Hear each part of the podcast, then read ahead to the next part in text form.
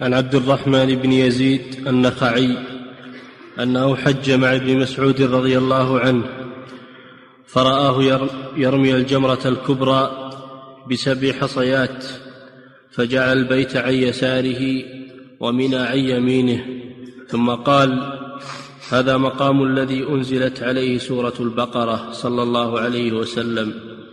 نعم.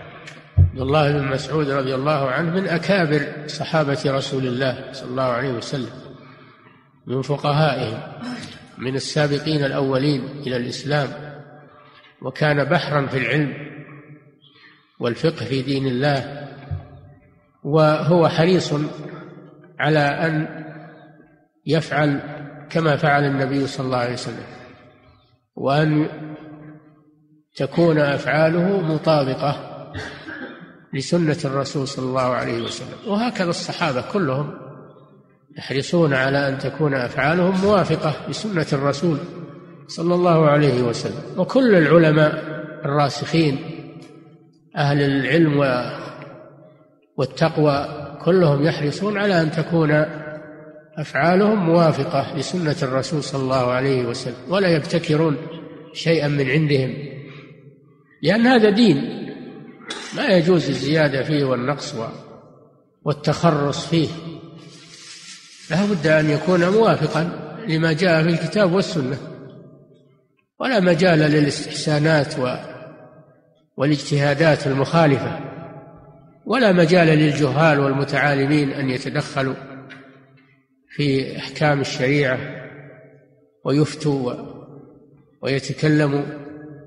لأن هذا قول على الله بغير علم. الله جل وعلا جعل القول عليه بغير علم عديلا للشرك. قال تعالى قل إنما حرم ربي الفواحش ما ظهر منها وما بطن والإثم والبغي بغير الحق وأن تشركوا بالله ما لم ينزل به سلطانا وأن تقولوا على الله ما لا تعلمون. فجعل القول عليه بغير علم عديلا للشرك. ما يدل على خطورة التكلم بغير علم والإفتاء بغير علم. هذا عبد الله بن مسعود رضي الله عنه رمى جمرة العقبة متحريا سنة النبي صلى الله عليه وسلم. رماها كما رأى النبي صلى الله عليه وسلم يرميها.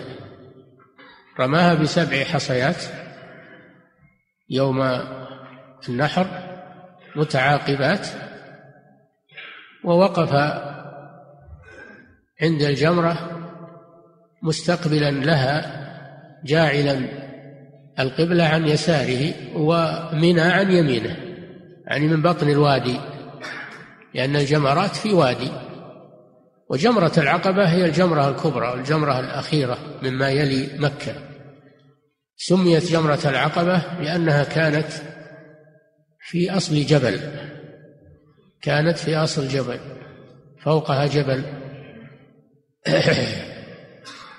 سميت جمرة العقبة بهذا المعنى. ثم أزيل الجبل لأجل التوسعة على الناس.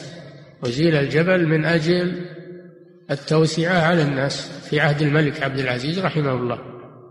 فصارت ترمى من كل جهة. ترمى من كل جهة من أجل الزحام من أجل التيسير على الناس. أزيل الجبل من أجل إزالة الزحام لأن الحجاج كثروا. فلو صاروا كلهم يرمون من جهة واحدة لحصل في ذلك الخطر الشديد والحرج. فأزيل الجبل من أجل أن يرموا من كل جهة لكن بشرط أن يقع الحصى في الحوض في حوض الجمرة. والجمرة معناها مجمع الحصى مجمع الجمار. والجمار هي الحصى الصغار تسمى جمار. فالجمرة موضع مجمع الحصى. ثم قال رضي الله عنه هذا مقام الذي أنزلت عليه سورة البقرة. يعني رسول الله صلى الله عليه وسلم. هذا يدل على أنه يتحرى سنة الرسول صلى الله عليه وسلم. وأنه وقف في المكان الذي وقف فيه الرسول.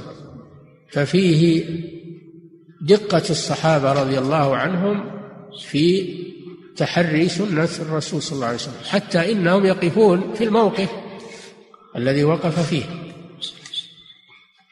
وتخصيص سورة البقرة مع أن الرسول صلى الله عليه وسلم أنزل عليه القرآن كله.